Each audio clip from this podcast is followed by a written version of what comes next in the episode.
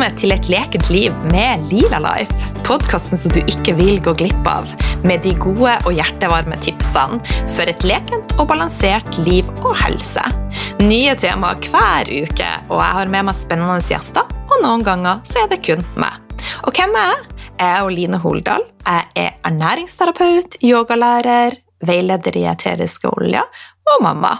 Jeg har en brennende interesse for en naturlig helse, miljø og dyrevelferd. Og jeg er i over gjennomsnittet nysgjerrig, og mitt mål er å dele mest mulig med deg. Jeg har vært alvorlig syk i mange år, eh, men nå er jeg 44, og livet, det smiler. Mitt mål er å vise deg at det er mulig å gjøre en stor forskjell med små endringer. Kos deg med podkasten Smask ifra meg. Det er ikke tvil om at en god fordøyelse er ekstremt viktig for at jeg og du skal ha ei leken og balansert helse. En god fordøyelse avhenger av flere faktorer, bl.a. et rikt mangfold av bakterier. Og i dag så har jeg med meg naturterapeut Eva B.E. Andersson, og vi skal skravle om masse spennende, og jeg gleder meg stort Hjertelig velkommen til deg, Eva. Tusen takk. Veldig hyggelig å ha deg med. Takk, og supert å være her. Tenk å få lov til å prate om bakterier. Nesten. Jeg gleder meg. Så bra. Aller først, hvordan starta du dagen din i dag? I dag, som de andre morgener jeg har gjort siste halvåret nesten, så var jeg grytidlig oppe. Litt over seks. Eh, tok på meg joggeskoene og kom meg ut i skogen. Ah. Og det er en så god start på dagen. Jeg har ikke alltid gjort det, jeg er egentlig B-menneske, men uh, har lagt inn en god vane, og det er beste måten å få startet dagen på. Komme seg ut, søkkende våt. Det surkler mellom tærne når du går i skogen nå, men det er helt, helt topp. Så herlig. Og hvor lenge er du ute i skogen? Halvannen time cirka. Ja. Går en syv-åtte kilometer. Deilig. Fin tur. Jeg bor like ved skogen og elsker å bruke det. Ja. Å få med gryningen, få med de små fuglene Jeg tror kanskje det er stær, jeg er ikke sikker, som hopper rundt på stien og prøver å finne mat. Eh, et og annet ekorn, et og annet rådyr. Det er fin start på dagen. Ja. Og etter det, da? Hva gjør du da? Da er det hjem og inn i dusjen og få seg en kopp med god tulsi-te, som er en nydelig urt som roer ned kortisolnivå. Ja. Og så må jeg på kaffen, da. Ja. Så først tar du tulsi for å roe ned, ja. og så kaffe for å gire opp. ja, helt riktig. Det er noe med å nullstille det morgenkortisolet. før vi begynner på igjen. Ja, men det er veldig altså, Nå fleiper jeg litt med det, men jeg er veldig opptatt av det sjøl. For at vi har jo et naturlig høyest nivå av kortisol på morgenen, mm. så da er det jo fint å gjøre ting som kan holde nede. Og så er jo kaffe så fordømt godt at for meg er det å ikke drikke kaffe mer stress enn å drikke det. Helt enig. Ja. Og det er Heldigvis er jeg en gentype, det har jeg testa, som fordøyer kaffe greit. Jeg bryter det ned, og jeg tar ikke helt da på det, så jeg unner meg et par kopper kaffe om morgenen. Så deilig. Eh, den gentesten står på lista eh, hos ja. meg, da, men eh, jeg har ikke kommet så langt. Men jeg skal gjøre det. Det er så mye gøy å gjøre, vet du. Ja, det gleder jeg meg. Men du, ja. fortell oss litt om de reiser og hva har gjort at du valgte å bli naturterapeut, og at du er der du er i dag? Det var vel egentlig ikke et bevisst valg. Eh, jeg skulle bli musiker. Det var det jeg okay. skulle bli. Jeg spilte trompet, og jeg spilte piano, og jeg levde og pustet musikk. Og så fikk jeg problemer med nakke og skuldre og armer og litt sånt, og måtte legge det på hylla. Og i den reisen vi gikk inn på da, så var jeg på masse forskjellige behandlinger, masse sykehus, jeg fikk så mye medisiner at jeg fant ikke veien til senga omtrent på natta, det var helt ute å kjøre. Og så fikk jeg hjelp med naturmedisin. Ja. Og så begynte jeg å tenke ok, dette var spennende, så jeg tok bare et kurs, bare for å se hva det var. Og så tok jeg et til, og så tok jeg et til, og plutselig så hadde jeg holdt på noen år og fant at det er dette her jeg vil. Ja, Spennende. Og hvor lenge har du jobba som naturterapeut nå, da? Det blir 35 år til våren. Wow! ja. wow. det må jeg si. Da har du ei lang fartstid. Jeg er ikke helt sikker på når grensen mellom ung og lovende og gammel ringrev går, men jeg kan ha bikka den. ja, jeg tenker at det viktigste er nå at hvordan vi føler oss, og du fremstår som veldig ung til sinns, og Takk. ja, så ja. Men du, vi ja. skal prate om noe som kanskje noen syns er nerdete, eh, men jeg vet at vi begge syns det er dritspennende. Bokstavelig talt. Ja. men i dag så er det jo veldig mange som sliter og har plager med fordøyelsen. Um, aller først, hvis du kan beskrive en lekende og smilende fordøyelse, hvordan vil den se ut da? Den starter jo egentlig med at du tenker på mat. Det øyeblikket du tenker på mat og ser mat, så begynner jo kroppen å forberede seg på at yummy, her kommer det noe snadder. Og så begynner vi å tygge på maten, og det er en veldig viktig del av fordøyelsen. Både at vi skal være bevisst når vi spiser, at vi skal tygge mekanisk, det er derfor vi har tenner, eh, og at vi aktiverer enzymer i spyttet. Da begynner vi å bryte ned karbohydrater i spyttet. Og så svelger vi, og alt kommer ned i magesekken hvor det er surt som juling. Og alt du ikke klarte å tygge stykker, det må du begynne å kjemisk løse opp der. Så er det en ganske god idé å tygge. Og alt dette her som etter å bli malt og syra ned og alt sånt i en god time, halvannen, så forsvinner det lenger ned i tarmsystemet, og da begynner næringsopptaket. Og næringsopptaket, det er da det vi trekker direkte ut fra maten. Men det morsomme skjer lenger ned. Det vi ikke klarer å fordøye selv, for det er nemlig mat til bakteriene våre. Og det her er i tykktarmen? Det er i tykktarmen. I hovedsak ja. i tykktarmen. Ja. Og den lekne lette fordøyelsen ender jo da gjerne med at eh, du får et sånn lett behov for å gå på toalettet, og så setter du deg ned, og et lite trykk, så er det ute. Ikke noe sliting, ikke noe beinflying og sprøytelakkere doskåla. Det skal være enkelt og greit å få til. Da har du en lekende lett fordøyelse. Ja, men eh, altså det er jo en realitet at veldig mange ikke har det sånn, og ikke går regelmessig på do. Hvor ofte fra naturens side tenker du at det er naturlig å gå på do? Veldig individuelt. Ja. Um, det som definerer en forstoppelse, er vel i hovedsak ikke hvor sjelden du går på do, men at du har behov for å tømme deg og ikke får det til. Ja. Hvis du ser på urbefolkninger, så går det stort sett 12-18 timer fra de har spist en ting, til de kan måle avfallsstoffer som kommer ut fra det måltidet. Okay. Vi bruker i hvert fall 24, kanskje mer. Men det skal i hvert fall skje daglig, ja. og helst flere ganger om dagen. Ja. Men det er individuelt. Nå kommer jeg på et litt sånn rart spørsmål her. For at de fleste går jo på do etter de har spist frokost om morgenen. Mm. Er det for at kroppen er eh, tidsinnstilt, da? Eller? Ja, stort sett så sover tarmene på natten. Det er, ganske, de er, mye roligere på natten, så hvis du har behov for å gå opp og tømme tarmen på natta, så skal du ha et lite øye med, for da kan det være noe som ikke er helt i balanse. Men så fort vi drikker noe, det øyeblikket vi åpner munnen og svelger ned noe flytende, så aktiveres et hormon i tarmsystemet vårt som heter motilin, og motiline det får i gang bevegelsen, det vi kaller for tarmperistaltikk. Mm. Det er altså muskelbevegelse i tarmen. Og da går en liten beskjed ned om at joho, nå er den våken. ja, det her er jo så spennende. Men vi skal snakke om eh, det som kalles et mikrobiom, altså mikrobiomet. Mm. Eh, kan du forklare oss hva det er for noe? Enkelt og greit så er det et miljø. Vi har jo tenkt litt på at vi, vi er oss, og det er vi jo selvfølgelig, forhåpentligvis hele livet, men vi er så mye mer. Vi er et vandrende økosystem, og vi har masse bakterier mange forskjellige steder i kroppen. Masse viruser, masse sopper, til og med noen parasitter som kan være der. Vi har mye, mye gøy som foregår inni oss. Og målet vårt er å kunne være i en balanse med dem, at de hjelper oss og vi hjelper dem. Mm. Eh, og det er en viktig del av også fordøyelsen vår.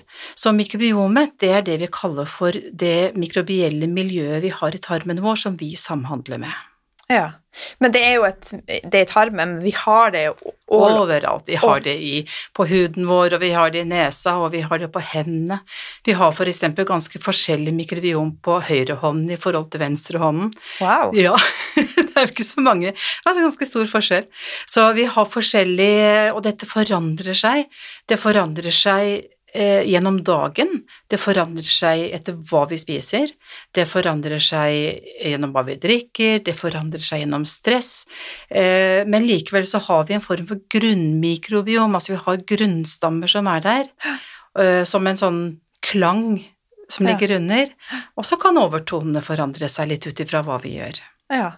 Men det som jeg hører her, er at hvis vi f.eks. har et mikrobiom som er ute av balanse, så kan vi få det inn i balanse igjen. Ja. Ja, så det er jo alltid godt å tenke på. Veldig, veldig. Og det er jo det man har forsket litt på nyere tid nå, og så er det siste store såkalt føkaltransplantasjon, hvor de transplanterer avføring rett og slett fra en til en annen. Og det er en sånn crash course i hvordan endre mikrobiomet. Ja. Men eh, hvis du går tilbake til å spise som du gjorde før, så fôrer du bare de samme bakteriene som du fôret før, og så vil det gå tilbake også. Ja. I forhold til den transpla- transplantasjonen som du snakka om, jeg leste akkurat en artikkel om at eh, det er så veldig få i dag som faktisk har et ok mikrobiom, sånn at hvem skal vi få dette ifra? Ja. Ja, det er forskjell på kjønnene, for eksempel. Altså, mitt mikrobiom er ikke det samme som min manns mikrobiom, selv om vi lever sammen og spiser veldig mye av samme maten. Ja. Eh, Mine sønners mikrobiom vil være helt annerledes også, ut ifra hormoner, ut ifra stressnivå, ut ifra hvordan vi er personlig. Så vi vet ikke hva vi gjør. Nei. Vi leker. Ja, vi leker. ja, for det er jo også viktig. Da. Vi, vi har prata litt i forkant, og vi var enige om at dette har vi ikke alle svarene på. Nei. For dette kommer det altså, ny forskning på, ny kunnskap på hver eneste dag. Ja. så at vi er litt ute og, og prøver og Men det viktigste er jo at vi faktisk prøver.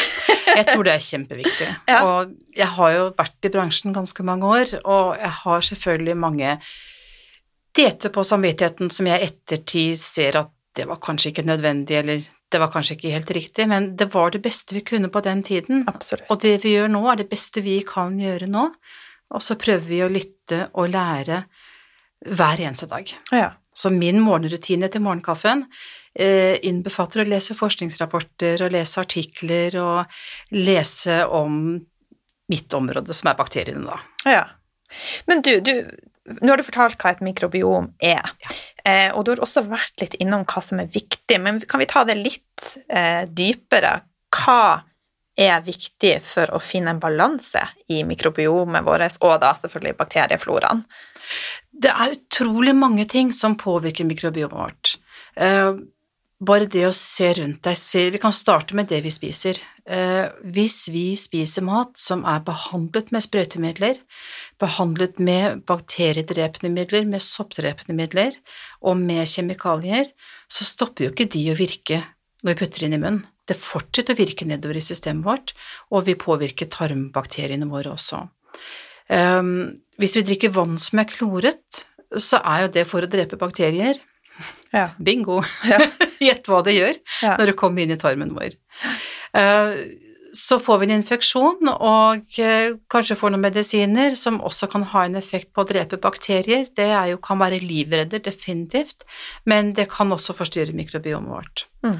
Um, stress, ikke snakk om det engang.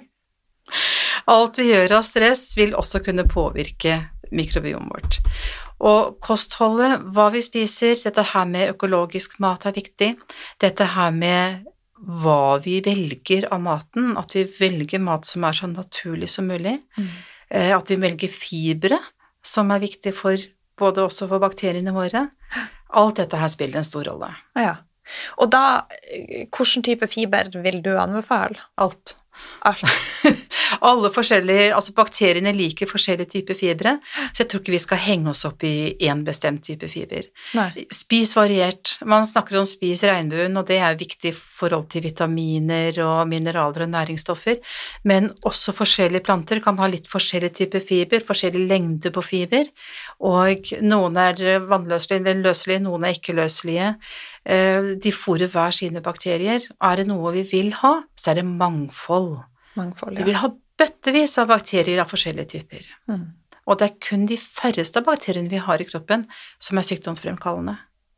Kanskje Vi kjenner kanskje til 100 typer som er sykdomsfremkallende, ja. og titusenvis som ikke er. Men det er lettere da at de eh, som ikke er så gunstige, tar litt overhånd hvis mikrobiomet er ute av balanse, eller hvis Ja. ja. Og det er derfor vi tror og har gått mer og mer inn på det at nøkkelen er å fòre de bakteriene vi gjerne vil ha mye av, for de lager mye herlige stoffer Ja. som beskytter oss, og som nærer oss, og som hjelper oss, og de kan ja, aktivere immunforsvaret vårt, sånn at de også er med og dreper bakterier de vi ikke vil ha. Men eh, hvis, jeg, vi skal sikkert komme inn på det senere òg, men jeg vil bare ta det mens jeg har det, for at eh, mange tenkte nok ja, eh, fiber, ja, lurt, men jeg får luft i magen av det, og så ekskluderer vi det.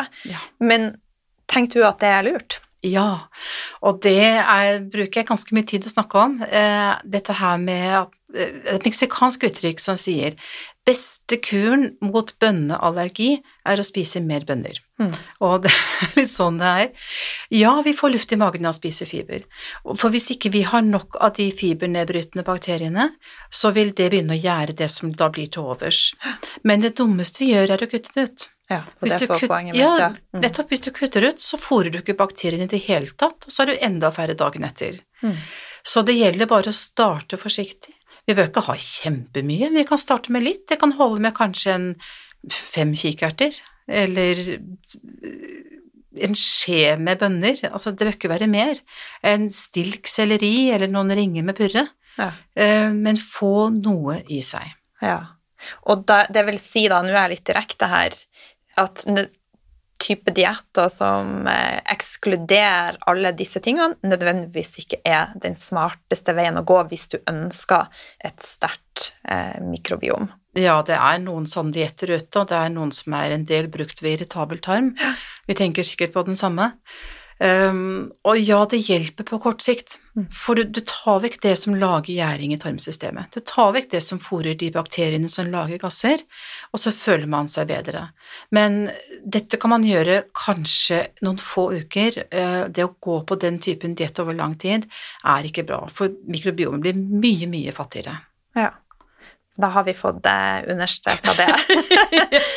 og jeg tenker også at det er flere av gjestene mine som har sagt det. Det er greit å få det fra flere hold, for at det er så mye forskjellig informasjon ute. Og jeg skjønner jo at når man har luft i magen og, og smerter, at man blir litt desperat, og da fjerner det som man tenker er kilden. Det er klart det, og jeg har jobbet da med også intoleransetesting over, altså i alle år, og eh, ofte så sier folk, ja, men hvorfor slår ikke det ut, for jeg, jeg får jo vondt i magen av å spise det. Ja, men det er ikke allergi. Det er ikke en intoleranse. Nei. Du har bare ikke nok bakterier til å fordøye det. Og det er først nå de senere årene vi har forstått sammenhengen Mm. på hvorfor det skjer. Ja. Men det å ekskludere det helt er en ganske dårlig idé. Ja, da er vi 100% enige. Men du, eh, bakterier, altså har eh, beliggenhet hvor bakteriene er, og mengder betydning på hvordan de påvirker oss? Veldig. Det er som i eiendomsbransjen. Beliggenhet, beliggenhet, beliggenhet. Kjempeviktig. Vi har bakterier som vi har i tarmsystemet som gjør så mye godt og så mye næringsrik jobb for oss, men når de kommer seg ut og forsvinner andre steder, så kan de gi faktisk ganske alvorlige blodforgiftninger og absessdannelser og alt sånt rundt om i kroppen. Så det å ha en god tarm, også en god tarmvegg, hvor ikke du får bakterier som passerer ut i blodbanen, er også en veldig god idé, og de får holde seg der de skal være. Mm. Og så nå prater vi om det som kalles lekktarm, da. Til dels det, altså. Ja. I forhold til eh, tarmslimhinnene, eh, hva er dine beste For min oppfatning er at veldig mange har en lekktarm og sliter på en eller annen måte her. Hva er dine beste tips i forhold til å reparere en lekktarm?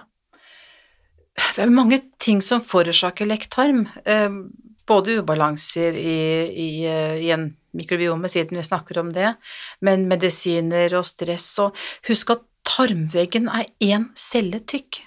Altså, den er, den er tynn, den er syltynn, og gjennom den cellen der så skal liksom du passere maten og næringsstoffene. Eh, og det er ganske fort gjort hvis de tarmcellene ikke får nok av næringen sin. Så begynner de å krympe sammen, de blir for små, de klarer ikke å holde disse tette, altså tettheten i tarmen. Eh, visse bakterier også eh, vil være med å trigge at disse, at disse tarmcellene tetter seg igjen. Mm. Um, som er viktig å passe på. For eksempel, jeg hopper kanskje litt, men jeg tar sjansen på at det går bra. Ja, ja, ja. Når vi, i, når vi, er foster, når vi ligger i mors mage, så får vi all næringen direkte inn gjennom navlestrengen. Det vil si, det er ikke noe som passerer gjennom tarmen, og tarmcellene ligger og jeg skal ikke si flyter, de har jo struktur, men de er ikke tette i hvert fall.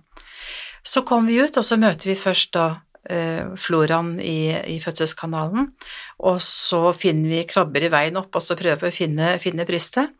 Og i første suppen vi klarer å få dytta i oss der, så er det ofte rikt på prevotella-bakterier, som er en familie bakterier som per, sender, per Prevotella. Prevotella. Prevotella.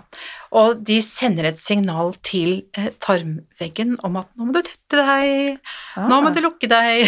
Så fantastisk. Så, så et, et, nyfødt barn har ikke tett tarmslinje. Dette bakterien, denne bakterien signaliserer ja. Lukk deg! Lukk deg. Det er helt fantastisk! ja, det er, det er, altså så kult. oh my god! Og, og, vi ser jo det når vi tester, at dette er blant bakterier som mange kan mangle. Ja. Om det betyr at de er mer eh, mottagelige for lekktarm, det vet vi ikke. Men det er i hvert fall ikke heldig å mangle dem. Vi vil jo gjerne ha dem der også. Ja. Og så har du selvfølgelig næringsstoffer til for å tette tarmen med glutamin og butyrat, som vi snart kommer tilbake til. Um, og kost får man i seg mye gluten, eksempel. Vi kan snakke lenge om det, og det skal vi ikke gjøre, men glutenet vil når det kommer ned i tarmen vår, møte tarmcellene og skille, få dem til å skille til stoff som heter zonulin, som er et lite protein som gjør at tarmcellene åpner seg. Disse tettheten i tarmen, den, den blir ikke så tett lenger. Vil dette gjelde alle? Dette gjelder alle. alle ja. Men de aller fleste av oss har et immunforsvar som fanger det opp. Når ting lekker igjennom, så har vi masse lymfesystem og immunforsvar som ligger rundt tarmen og fanger det opp og nøytraliserer det, så det ikke blir noe problem. Men problemet oppstår jo når immunforsvaret har et problem, er, er belastet, eller når vi da spiser brød, glutenberiket brød til frokost, lunsj, middag, kvelds, ja. og mengden blir så stor. Så Og jeg tenkte, Det er jo ganske ironisk at For du sier glutenberika brød. For det er jo en realitet at kjøper man brød i dag, så tilsetter de ekstra gluten for de skal se forlokkende og deilig ut der de ligger, rett og slett. Ja, det er én ting, og en annen ting er at de kaller det for butikkbakte brød. Det er ikke bakt i butikken, vet du. Det er bakt på bakeriet, og så er det frosset ned, og så tas det opp, og så stekes det opp i butikken, og da lukter det deilig ferskt brød i brødavdelingen, og så må du bare ha et ferskt brød hver dag. Ja. Eh, så kaller de det for halvstekt, da, sier de. Men det er ikke riktig, det heller. Du kan ikke halvsteke et brød. Prøv å ta et brød av ovnen før det er ferdigstekt. Det klapper sammen. Ja. Så det vil si at det er ferdigstekt brød, ja. men å klare å lage en melblanding som tåler at brød kan stekes to ganger uten å bli tørt, der kommer gluten inn i bildet. Mm. Gluten gjør at det, det, holder seg ferskt og fint og saftig, og du kan bake det flere ganger hvis du vil òg. Ja. Så vi vil rett og slett lure. Er det hvetegluten dette heter? Det er et annet ord. Jeg har bare tenkt for at Gliadin, eller tenker du på gluten? Det som når man kjøper et brød, altså hva er det man skal se etter at det ikke bør være? Skal du det ordet? Ja, det, det står gluten eller hvetegluten. Ja. Og da putter de jo ekstra i, ja, ja utenom. Ja. Men nå avbrøt jeg deg, da. Ja, nei, så, sorry. Det var, så vi var på den lekke tarmen, da, og du har prata om forskjellige ting, og vi var inne på det med gluten. ja. Ja. Så, og det betyr ikke at jeg er for at alle skal kutte ut gluten, for jeg Nei. tror ikke at det, altså mange av alternativene som vi får kjøpt, er ikke så veldig mye bedre. Nei. Så jeg er litt småskeptisk til dem også. Men vi kan jo forsøke å spise Hvis vi bare velger økologisk hvete, så er det mye mindre gluten ofte i dem, ofte ikke glutenberiket. Mm. Så Og så vil jeg jo si at vi i Norge vi er jo indoktrinert med at vi må spise brød. Det Ja. finnes jo et hav av andre muligheter. Ja, Kan må ja, ja, åpne ja. sansene litt. ikke sant? Du må jo ikke ha den brødskiva. Nei. Eller så kan du lage et knekkebrød på frø og nøtter, eksempel. Aldeles supert å ha pålegget på. Så Men så har du de som ikke tåler frø og nøtter så godt, da. Så, Det det. Sånn som meg. ja. ok, sorry. Så, ja, det går helt fint, da. Men så, heldigvis så finnes det jo måter sånn som å bryte, legge det i, i vann og bryte Mm. ned antinæristoffene og så fermentere det. Ja. Så det gjør jeg. Så jeg spiser lite grann. Ja, men det er bra. Ja. Det er fint. Så det, jeg tenker at det, man må bare være kreativ, så er det alltid ei løsning. Og jeg tror, altså jeg ser også på intoleranser eh, som et symptom mer enn som en årsak. Så det forteller at det er noe som er i ubalanse. Kan vi gjøre noe med det?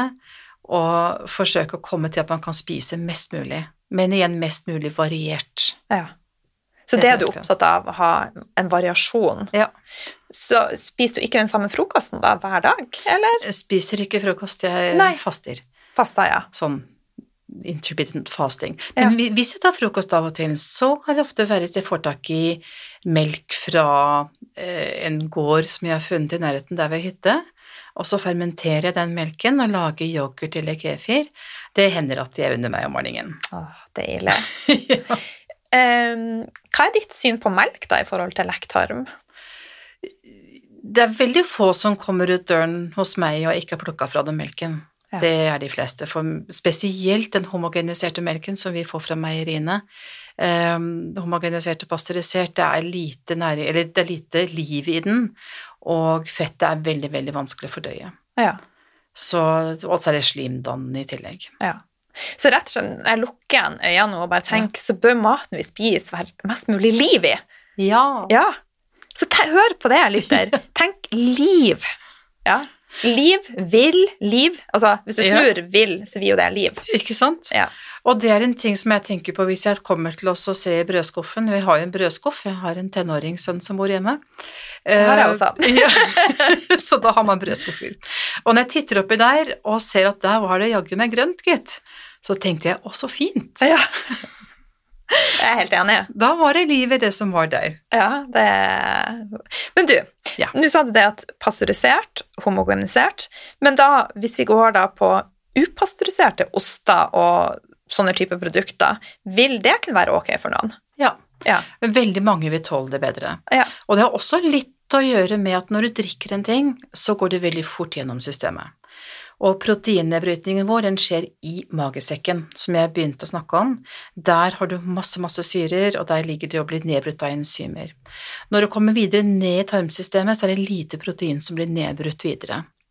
Så en ting som er proteinrik, som melkeprodukter er, så må du satse på at det blir fordøyd best mulig i magesekken. Hvis det kommer ned i tarmsystemet uten å være fordøyd, så fordøyer du det ikke videre. Ok, så det fordøyes dårlig også i tynntarmen. Ja. proteiner. Så I det hovedsak går. det må magesekken gjøre jobben. Og hvis vi har for lite magesyre, da? Som eh, det ganske mange har, så kan det også være et problem. Ja. Hva er ditt syn på å ta tilskudd av magesyre? Det kan være fint i en periode for å avlaste fordøyelsen, men optimalt sett så burde vi lage det selv. Ja. Jeg er ikke veldig, veldig glad i mange tilskudd over lang tid som tar over jobben som vi skal gjøre. Kroppen vår er kanskje like lat som resten av oss, den gjør ikke mer enn den må, vet du.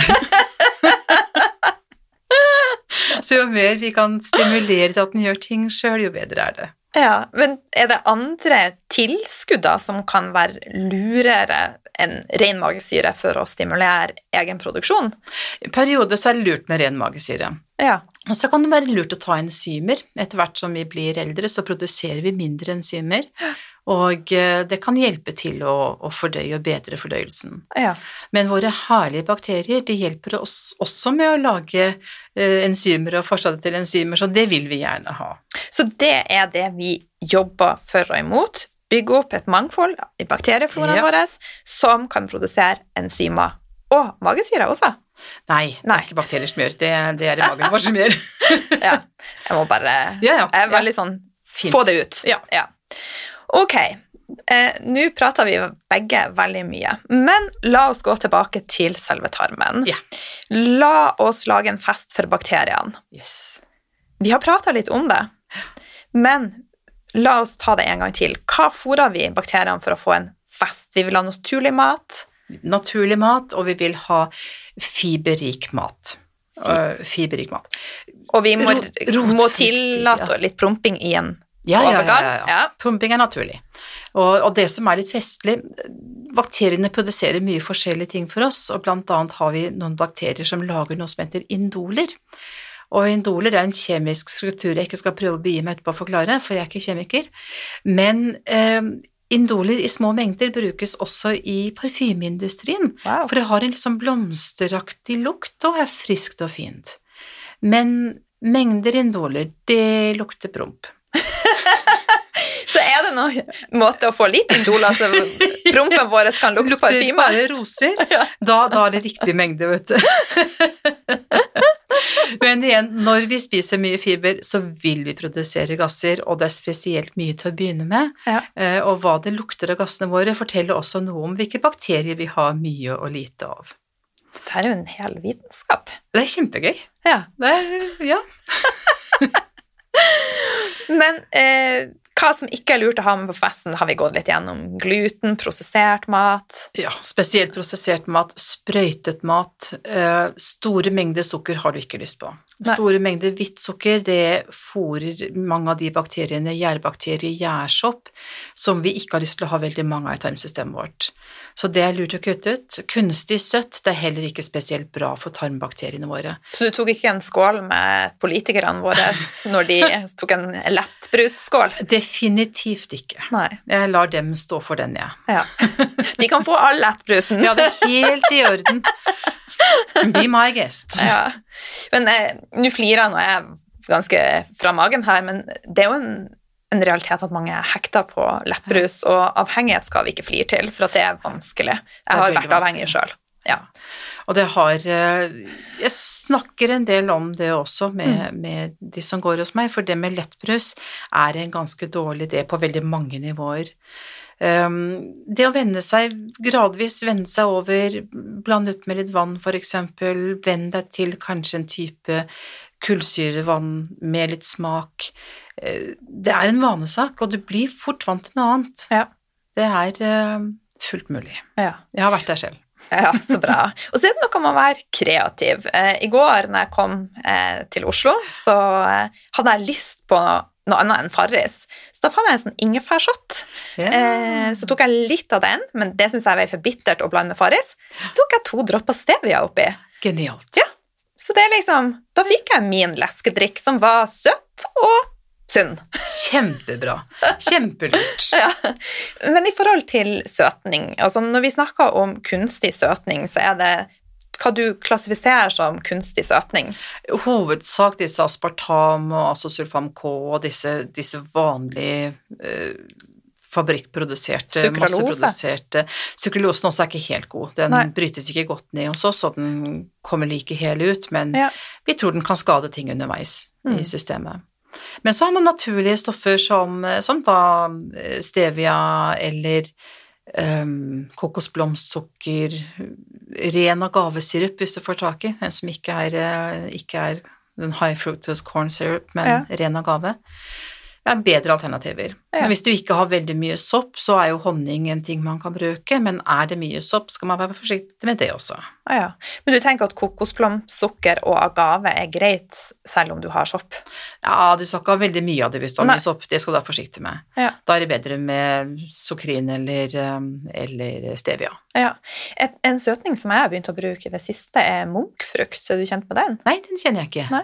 For den er også helt naturlig og påvirker ikke blodsukkeret. Og, så den er laga fra en frukt som heter munkfrukt. Da. Men eh, jeg har ikke funnet den i Norge, så jeg bestiller den fra iHerb med litt sånn dårlig samvittighet, for jeg er opptatt av å handle lokalt. Og, men prinsippet mitt er at jeg handler lokalt det jeg kan, og så det som ikke Norge kan tilby meg, det finner jeg andre plasser. Men, men sånn er det. Mm. Altså, vi bor i et land som har utrolig mye rare restriksjoner og strenge regler, Ja. så av og til så må vi benytte oss av de, ja, iHerb eller eh, andre plattformer i Europa eller sånt. Så Ja. det, sånn er det bare. Em, du nevnte sukrin. Jeg, har vært, jeg brukte det mye en periode, og så har jeg egentlig gått bort ifra det, men du tenker at det er et ok alternativ? Det er jo laga fra mais, er det ikke det? Altså, det jeg tenker er at i en overgangsfase som vi venner oss fra søtsmaken, Ja. så kan det være greit to mange tolererer det ganske greit. Ja. Det er ikke optimalt at vi skal ha søtsmak hele tiden. Nei. Det er det vi skal bevege oss litt bort ifra. Viktig poeng. Yes. Men, men i den fasen som vi gjør Vi sier ikke nei, men vi sier ja og la oss gjøre noe annet i stedet. Mm. Eh, Og da kan det være et bedre alternativ. Ja. Lurt. Men litt søtt er jo av og til godt. Ja da. kan ikke være helt asketer. Nei. Men du, eh, maten vi spiser er viktig for et godt mikrobiom. Eh, kan du fortelle oss litt mer detaljert hvorfor, og hva er det som skjer med annet ingrediensene i kost? For det er jo små ting i kostfiber som vi omdanner til enkelte ting.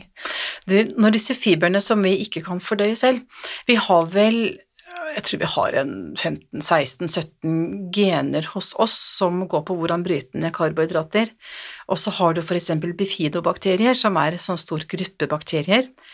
De har eh, 56 gener for å bryte ned karbohydrater. Det vil si at de genetisk sett er flinkere til å spalte karbohydrater enn det vi er. Og da kan de hjelpe oss. Så når vi får ned Så hør dere det, vi må få opp de bakteriene, så kan de fråtse karbohydrater. Nå, ja. Vel. ehm, Det, det som skjer når du kommer ned i tarmsystemet vårt, er at alle kan ikke fordøye den samme maten. Nei.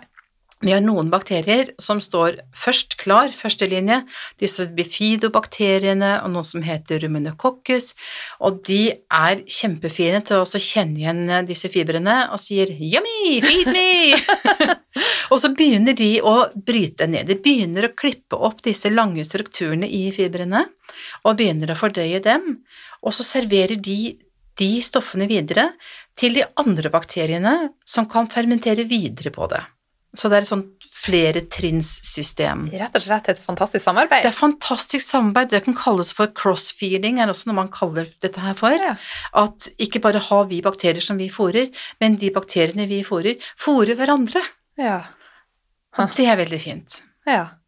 Men så igjen så blir dette omgjort til vitaminer og korte fettsyrer. Korte fettsyrer. Og det er dette med SFCA, eller short chain fatty acids, er en av de store tingene som disse bakteriene lager. Hoved, den som er mest forsket på, og den vi er mest opptatt av, er det som heter butyrat. Og butyrat Man får kjøpt det i kapselform, jeg syns at det ikke er så veldig god idé. Både fordi at det også smaker promp. Noe som lager lukten der. Men også fordi at vi skal helst fôre bakteriene så de lager det selv. Butyrat er en fettsyre som er super. Det er den foretrukne maten til tarmcellene våre. Ja. Spesielt i tykktarmen. Så tykktarmene livnærer seg. De kan ikke ta opp næring rett fra maten. De må få sin egen næring, som da er butyrat. Og det lager bakteriene for oss. I tillegg så beskytter butyrat mot betennelser, altså antiinflammatorisk, og det beskytter oss mot skadelige bakterier, og det gjør masse fine ting for oss. Ah. Uh, Men ja. da, hvis vi ikke klarer å produsere nok av denne korte fettsyra, så er vi litt i trøbbel. Det er vi. Og det man ser, mange mennesker som sliter med IBS, altså irritabelt tarmsyndrom av forskjellige former, de mangler mange av de butyratproduserende bakteriene. Og vi har eksempel en som man ikke visste så veldig mye om før, som man er blitt mer kjent med nå, som heter Fecalibacterium preschnitzi. Fikk jeg sagt jeg kunne det òg? Wow, jeg skal bare drømme om å klare å si det der. Det er en bakterie som er strengt anaerob, og det vil si at før man begynte med den formen for DNA-testing, eller ja, 16SRRNA kalles det for, som er en egen form for, for sekvensering av bakterier, så visste man ikke om den bakterien. For man dyrket bare, og man dyrket på avføring i aerobe miljøer, så mister du alle de anaerobe bakteriene, mm. og dermed så fikk vi et skjevt bilde av hva som egentlig skjedde i tarmen. Så den gensekvenseringen av bakteriene er en veldig fin måte å få et bredt bilde av hva som er der. Og plutselig fant man oi, jøss, der har vi en luring. Det er jo kanskje mellom 5 og 15% av tarmbakteriene våre er den bakterien der. Wow. Og hva gjør den? Jo, den lager bytterat. og den er en av de supre bakteriene som beskytter oss mot betennelser. Og hvordan kan vi fôre dette? Det er det vi har fortalt allerede. Ja, den er fryktelig glad i, eh, i eh, fiber, og spesielt fibrene som heter inulin og fruktooligosakkarider og galaktooligosakkarider. Mm. Dette er altså fiber som finnes i, i, mat og i frukt og i grønnsaker og i jordskokk og i rotfrukter og sånn type ting. Det er de veldig glad i. Herlig. Jeg har faktisk med meg nå på, på, reise, så har jeg med meg en boks med forskjellige av disse, Hei. og FOS. Jeg bare tenker at eh, ja, jeg er jo ikke garantert å få servert eller Jeg tar jo mye valg sjøl, ja. men den er jo ikke så optimalisert, maten på reise som hjemme. Så jeg tenkte at jeg må mate bakteriene mine. Jeg kan ikke være egoistisk. Helt Det er sånne ting som sjokkerer meg litt over hvis du ser maten de serverer på sykehus. Ja. Så det skyller fiber. Eh, det er brødskiver med syltetøy, og eh, bare det å få en salat eller en agurkskive på den brødskiva kan vise seg å være vanskelig. Og er det en gang du trenger hjelp av bakteriene dine, så er det hvis du er syk. Ja. Et eksempel Jeg fortalte jo deg at jeg var i bilulykke for ei tid til, eller kort tid siden, og da var jeg på sykehus, og jeg lå heller sulten der. Jeg, bare, jeg, var, jeg var, der bare en kveld, da, ja. men eh, jeg venta heller til jeg kom hjem og fikk spist meg ordentlig suppe. Yes. Eh, nei takk. yes. Så bevissthet rundt mat på sykehus. men jeg skjønner jo, hvis man er innlagt her i en lengre periode, så, så må man jo kanskje da be, eller be familie og sånn komme med et eller annet. Og så kan man jo kjøpe sånne spirepakker. Det der har jeg òg med meg nå. Ja. Og de eh, varer jo i ukes tid. Så ja, man får det. Og det er så godt. Det er så nydelig. Ja. så næringsrikt. Ja. Og det er vel god mat for Veldig bakteriene. God Veldig god mat for bakteriene våre. Og for oss. Ja, og for oss, ja. ja. Så jeg holdt på nesten å glemme meg sjøl, jeg er så opptatt av, eh, av Altså, naturen er smart, og jeg bruker å si at naturen vinner stort sett alltid. Ja, den vinner alltid. Ja, vinner alltid. Eh, og eksempelvis, du snakka jo akkurat nå om, om. Mm. Jeg klarte å si det. ja, og det finner vi jo blant annet i morsmelk. Ja, er ikke det lekkert? Ja.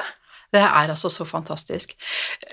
Igjen, når du ser når dette barnet ble født i siste trimesteret av svangerskapet, så forandrer mors mikrobiom seg.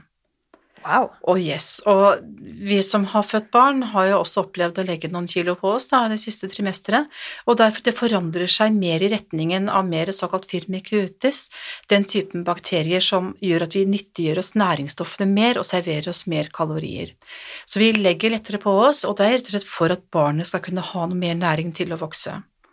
Når barnet da kommer ut i utfødselskanalen, så møter det jo slimhinnene til mor og får masse fine bakterier på hodet inn der. Og så kommer morsmelken, og hva gjør morsmelken? Rundt halvparten av morsmelken er unedbrytbar for barnet. Det vil si, barnet kan ikke nyttiggjøre seg næringsstoffene som er i morsmelken, det er kun mat til bakteriene. Er ikke wow. det kult? Ja. Dritkult! ja, det er akkurat det det er. Så det som er så fint, at naturen er så genial, at det den gjør, er at den sørger for at barnet får et mikrobiom som utvikler seg. Og vi ser på, når vi tester på disse mikrobiomene, så ser vi at vi anslår tarmalder, og en lav tarmalder kunne folk tenke at oi, dette var jo kjempefint. Nei, det er ikke fint. Små barn har mange bakterier, men veldig få arter. De har et lavt mangfold, for de har ikke rukket å møte verden ennå. Men de har mange av de enkelte artene som de trenger først for å beskytte seg, i type bifidobakterier og prevotellabakterier og sånn type ting.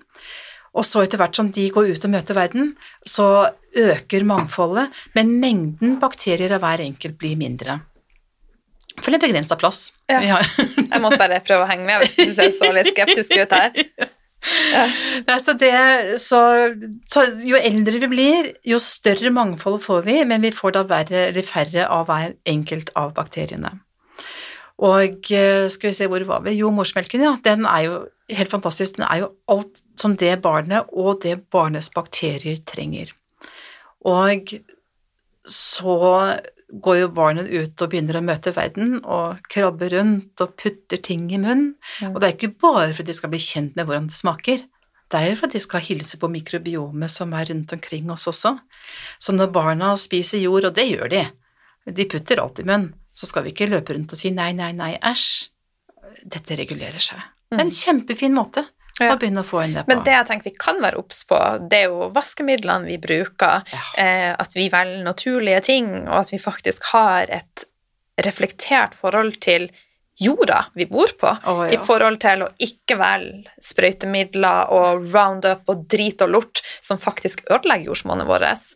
Vet du hva, jeg er litt sånn direkte nå, for at jeg hadde en sånn oppvåkning i går, så jeg kommer aldri til å, å spare på kruttet. Så det, jeg tenker at vi trenger å, å våkne opp. Vi trenger å våkne opp, og det miljøet vi ser rundt oss, er det samme miljøet vi ser i oss. Mm. Vi avspeiler hvordan naturen er, Ja. og når vi går ut og herper miljøet rundt oss som vi gjør, og jeg forstår ikke hvordan vi har kommet inn i et mønster som gjør at vi ofrer hele kloden for kort, kortsiktig vinning. Eh, Jeg har en gammel mor på, hun fyller 90 disse dager, og hun er en klok dame, og hun har alltid sagt du vet, eh, siste skjorte har ikke lommer, vet du. Nei, det var lurt. du, du får ingenting med deg. Nei. Så, så at vi skal liksom ha et sånn, vi skal hamstre, vi skal ha mer og mer og mer og mer, og ofrer miljøet rundt oss, og ofrer liksom det gode vi skal ha. Mm. For hva da? Ja, før kav da? Det er ingenting. Nei. Det er ikke noe å hente på det. Så pass på miljøet, pass på dette her med jorda, jordsmonnet vårt. Jordsmonnet vårt avspeiler igjen hva vi får i oss for plantene som vokser i jorden. Eh, Enten spiser vi dem direkte, eller de nære dyrene som vi har tenkt å spise etterpå, og det er igjen det som vi får inn i vårt system. Så eh, jo mer næringsstoffer og jo mindre giftstoffer det er i det, jo bedre er det. Jo større er vår sjanse til å kunne klare oss i denne verden. Uh, Nå er det litt avsporing her fra meg, men mange er der at de stoler på det de blir fortalt. Hvis myndighetene sier at det og det er trygt, så er det trygt. Hva tenker du? Jeg skulle ønske at jeg også kunne tro det. Ja. Uh, dessverre så har jeg Jeg har heldigvis blitt så gammel at jeg har gjennomskuet det. Ja. Ja, men det er eh, Jeg tror at ting er helt sikkert godt ment. Jeg tror vel egentlig ikke at noen er til de grader ute etter oss, men jeg tror det er veldig mye eh, misforståelser, det er veldig mye økonomiske interesser, det er mye kortsiktig eh, vinning ute og går. Um, og jeg tror ikke alltid Jeg tror ikke nødvendigvis at skattepengene mine går til det beste de kunne gått til heller, jeg, da. Og jeg tror ikke alltid at myndighetene vet hva som er best for meg, og hva som er best for mitt barn. Mm. Det mener jeg at det er mitt ansvar å finne ut av selv også. Det tenker jeg også. Vi har sannheter i oss sjøl, så vi må være frie tenkere og være kritisk til Ja. det som skjer. Men eh, jeg tror også det er viktig at vi klarer å beholde et lys i det vi tenker, sånn at vi ikke blir dratt inn i et dragsug av mørket. Ja. Det er noe av det viktigste. Mm. For det kan jo også påvirke mikrobiomet vårt. Definitivt. Stress og alt dette her, det går jo rett på mikrobiomet, og rett på hele miljøet vårt. Mm. Men du, eh, mikrobiom i forhold til forskjellige ting, nå skal jeg spørre Ja. deg om litt forskjellige ting. Ja. Hvordan vil bakterier og mikrobiom ha noe å si for søvnen vår? Veldig viktig, for vi har alle har vel hørt om E. coli. Det er en bakterie som vi liker å slå litt stort opp, enten hvis det er snakk om urinveisinfeksjoner, mm. eller barn som har fått i seg noe dårlig spekemat, eller noe sånt. Og, og det, det, er typer E. coli som faktisk er ganske skadelige, som kan være veldig, veldig farlige. Mm. Men vi har typer E. coli som gjør oss veldig godt. Og en av tingene som de gjør, er at de er i tarmsystemet vårt, og så får vi i oss en aminosyre som heter tryptofan, som er veldig viktig for tarmbakteriene våre. Og tryptofanet, den bruker tryptofanet til å spalte ned og lage indoler, som jeg var inne på i stad, det som lukta, vet du. Ja. Eh, og av det så produserer de melatonin og serotonin. Ja. Og det med indoler er nytt for meg, men jeg har hele tida vært med på det her tryptofan, melatonin, ja. serotonin, ja. så det var nytt. Indoler. Yay, lærte noe ja. Indoler er fint. det er gøy. Eh, serotonin og melatonin er jo superviktig for eh, døgnrytmen, søvnmønsteret vårt. Mm. Så, og de som Det vi har sett, er at E. coli-bakterier er eh, det er veldig følsomme for antibiotika og for sulfa. Det er jo derfor det virker. Det er derfor du gir det for en infeksjon. Men det tar jo knekken også på de gode E. coli vi har i tarmen. Og vi ser at veldig mange av oss dessverre mangler E. coli-bakterier, som gjør at vi får mindre drahjelp fra tarmen til å produsere melatonin og serotonin. Og melatonin er jo den gode søvnfremmende når kvelden kommer og vi sier mm, det skal bli godt å få legge seg. Da er vi høy på melatonin.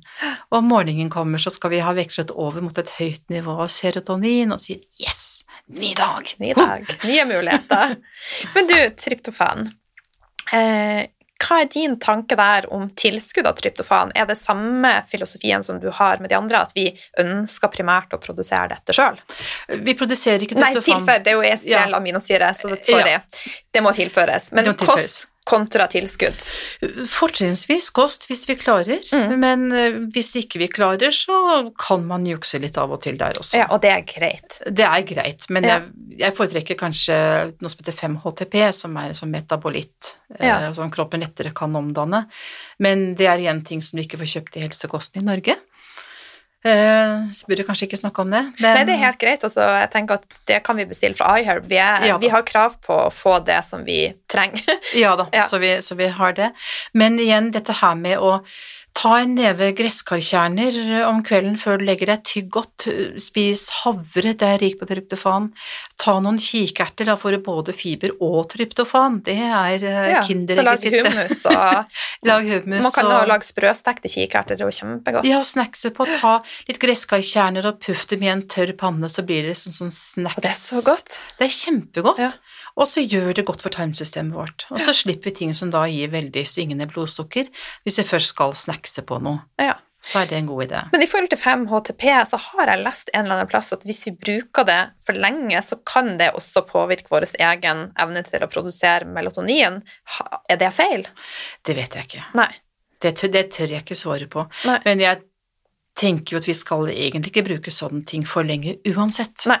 Enten det er snakk om sovemidler, sovemidler eller smertestillende eller eh, medisiner eller ting som skal endre. Det, vi skal ikke gjøre det. Nei. Lurt. Ok, så da har vi prata om bakterier i forhold til søvn. Ja. Bakterier i forhold til depresjon. Det er gøy! det motsatte av depresjon. Ja, gøy. Ja, det er det motsatte. Eh, hva som, hva som, er høna og egget, vet man ikke, men man har oppdaget at det er et par bakterier, spesielt en som heter Coprococcus eutactus, og en som heter dialister, og man ser at folk som har mye depresjon, mangler ofte disse bakteriene. Om de har depresjon fordi de mangler bakteriene, eller om de mangler bakteriene fordi de har depresjon, det vet vi ikke sikkert, Nei. men det er en sammenheng.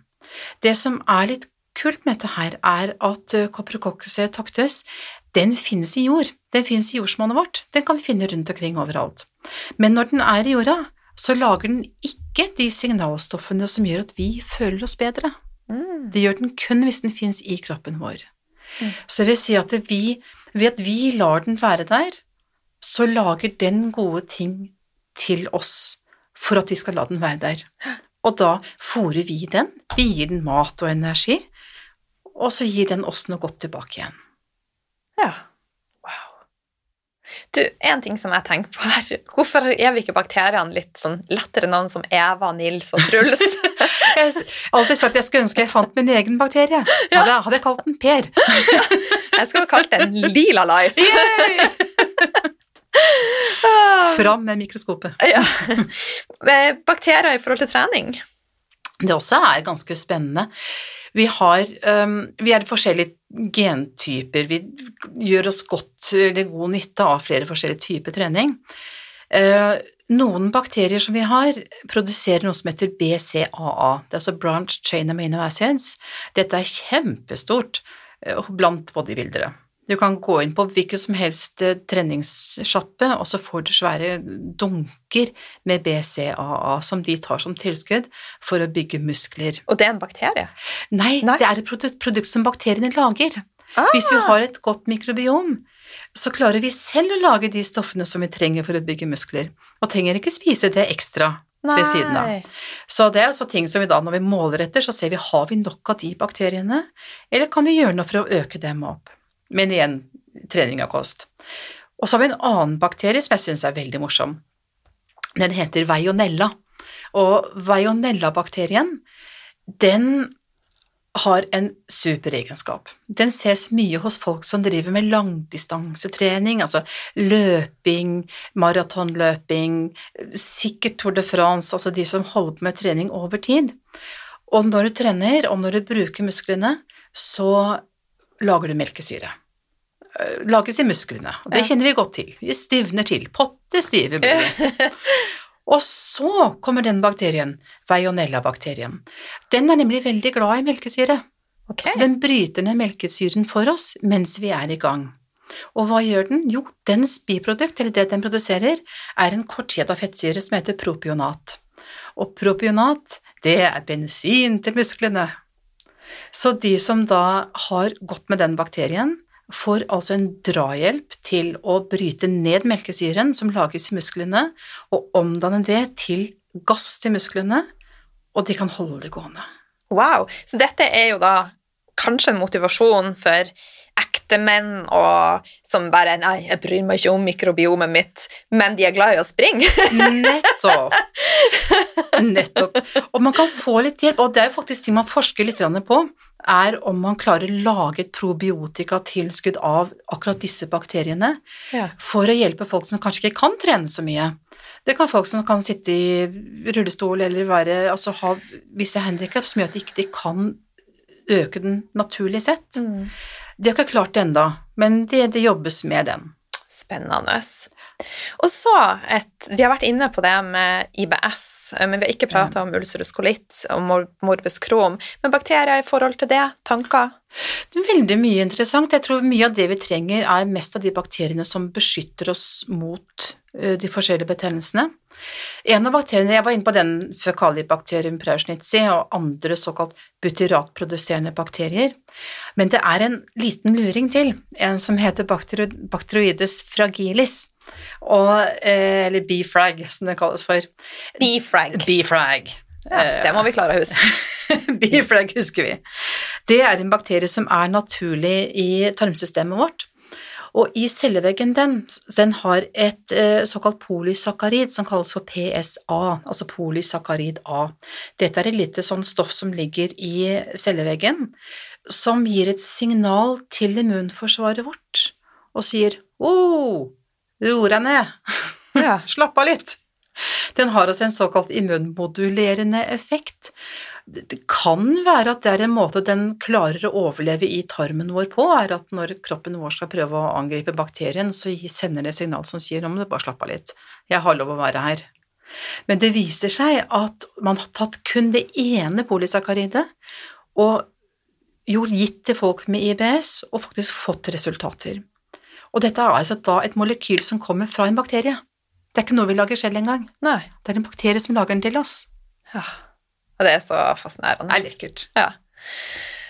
Ok, jeg tenker, nå har vi hatt en sånn liten bakteriegame her, så nå tar vi den siste. Bakterier i forhold til dannelse av steiner i nyre, galleblære og skjoldbruskkjertel. Ja, vi har Noen av oss har lett for å lage stener. Ikke alle, heldigvis. Um, og da er det spesielt mat som er rik på noe som heter oksalater. Og da har du sånn typisk mat som spinat og rabarbra og jordbær og visse ting. Så det Som- kan være med å danne steiner? Kan være med å danne steiner.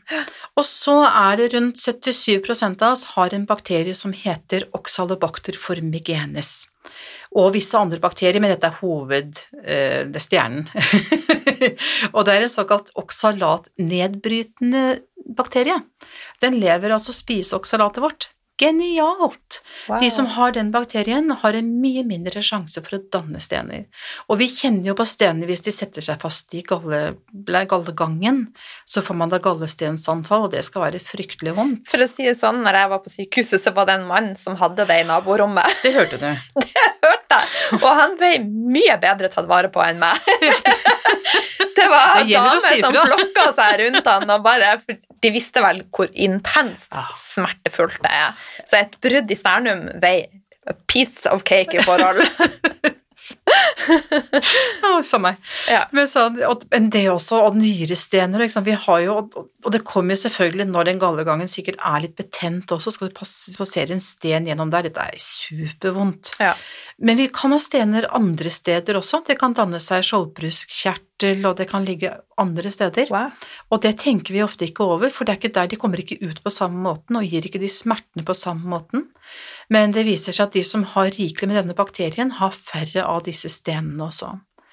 Der også prøver man å forske seg fram til å lage et tilskudd av den, eh, altså av den probiotika med den bakterien.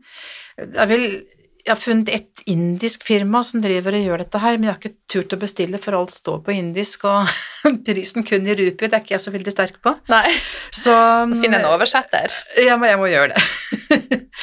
Men um, det kommer. Ja, Det forsker vi på. spennende. Ja. Men du, vi har Ja. konkludert med at eh, mikrobiomet er kjempeviktig, og det å ha en balansert bakterieflora i fordøyelseskanalen vår er superviktig. Og et faktum er at hvis disse bakteriene ikke får nok næring av oss, så forsyner de seg sjøl. Og hva er det de forsyner seg av da, og lager sin egen fest med? Så bakteriene er laget til å overleve oss. Ja. Det skal vi huske på. At vi, den dagen vi dør, så tar de over. Mm. Og det er naturens nedbrytere. Ja.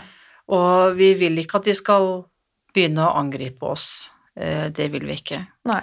Men de kan forsyne seg, sånn som jeg har forstått, av pittelceller og være med og bidra til en lekt tarm. De kan sannsynligvis gjøre det. Ja. Jeg sier det sånn, jeg. Ja. Vi tror at de kan gjøre det. ja. Så mat er bakteriene dine. Ja! Vær snill med dem, for de er faktisk ganske greie mot Kos deg. med de. eh, altså, vi er jo et økosystem, Ja. og bakteriene er vennene våre, men samtidig så kan de bli fienden, fiendene våre, sånn Ja. at det er Altså, det her er dine ord. Altså, det, det er samarbeidspartnere med en gjensidig kontrakt. Forklar oss hva du mener med det. Ja, det jeg mener med det, er at hvis vi ikke behandler bakteriene våre pent, Ja. så er det ikke sikkert de behandler oss pent heller. Nei. Vi snakker at vi har gode bakterier og dårlige bakterier. Bakterier har jo ikke moral, vet du. De er ikke, de er jo ikke sånn gode eller slemme mot oss. De har en jobb, dette her er ren enkel biologi, de har en jobb som de gjør, og vi har en jobb som vi gjør. Mm. Og hvis de jobbene sammenfattes, altså hvis de gjør, gir oss noe vi trenger, og vi gir dem noe de trenger, så vil vi kunne leve noenlunde i harmoni. Men hvis, øh, hvis vi ikke gjør det, så vil ikke de nødvendigvis være veldig greie mot oss. Nei. Så det er rett og slett en gjensidig En respekt? En gjensidig respekt og en gjensidig kontrakt, og det å ha en god balanse, for de passer også på hverandre. Ja. Og det er fint. Ja, ja. Ja. Du, vi begynner å nærme oss eh, slutten. Altså, vi har skravla nå i en, eh, en evighet, men eh, det virker som, en, som et sekund. Så um, helt på tampen, to ting. Ja. Er det noe du vil tilføye? Ja, altså det jeg tenker litt på er Vi var inne på det i stad. Husk å være glad. Ja, Eh, livet behøver ikke være noe jammerdal. Og vi må huske på at det likte jeg. Jammerdal. Disse haugianerne, vet du. Livet er en jammerdal. Ja. Nei, men vi får, finn noe som du syns er gøy. Jeg tror du har funnet mye som du syns er gøy, men det er helt sikkert mange som ikke har det. Ja. Og det å vite hvor er, hvor er mitt lille rom, hvor kan jeg hente gnisten fra? Er det én ting som er sikkert, så er det at vi kommer ikke til å komme levende ut. Eh, Før eller siden så er det slutt, og bakteriene tar over. Mm. Så i mellomtiden så er det viktig at vi gjør noe godt, at vi gjør noe hyggelig, at vi tar oss tid til å nyte. Livet skal ikke være en evig diett, livet skal ikke være et slit mer enn nødvendig. Eh, Nyt det. Finn noe god musikk. Ja. Enig. Du, nu, Dans litt. Dans, det er så viktig. Men du, eh, den fysiske kroppen vår dør. Tenker du at sjela vår lever videre? Mannen min syns at jeg er helt teit som tror det. Nei, det er overhodet ikke rart. En ting som er litt gøy, jeg må få si den først. Mm. Hvis du legger deg ned på en gressplen Ja. og koser deg, så ligger du helt i fred, stort sett. Fint og greit. Mm. Hvis du skulle finne på å dø mens du ligger der, så går det ca. fire minutter, så har naturen begynt å angripe. Wow. Det går styggfort. Og vi er, i det øyeblikket vi dør, så er vi kjemisk og biologisk fremdeles det samme. Men livet er borte.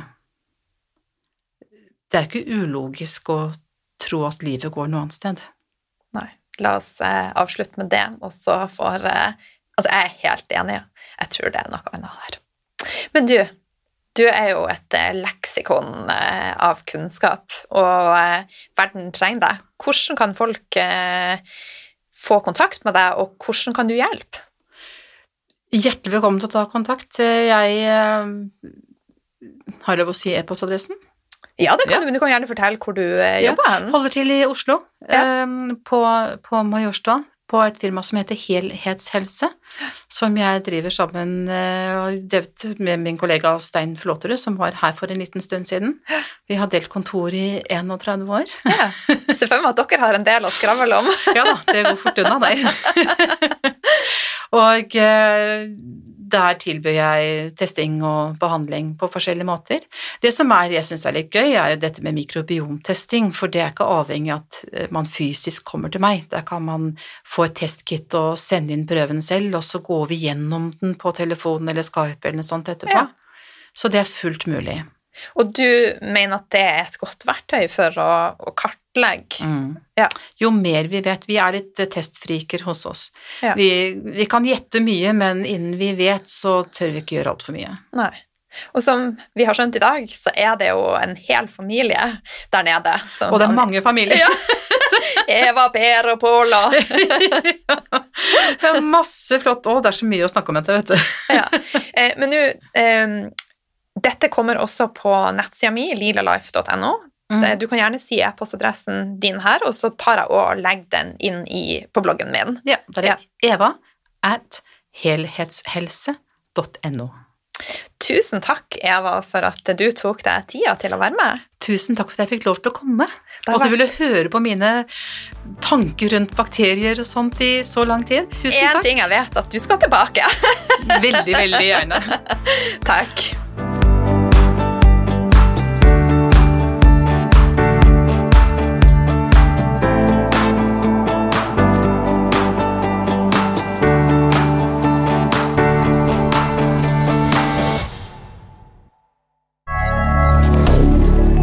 Moderne media.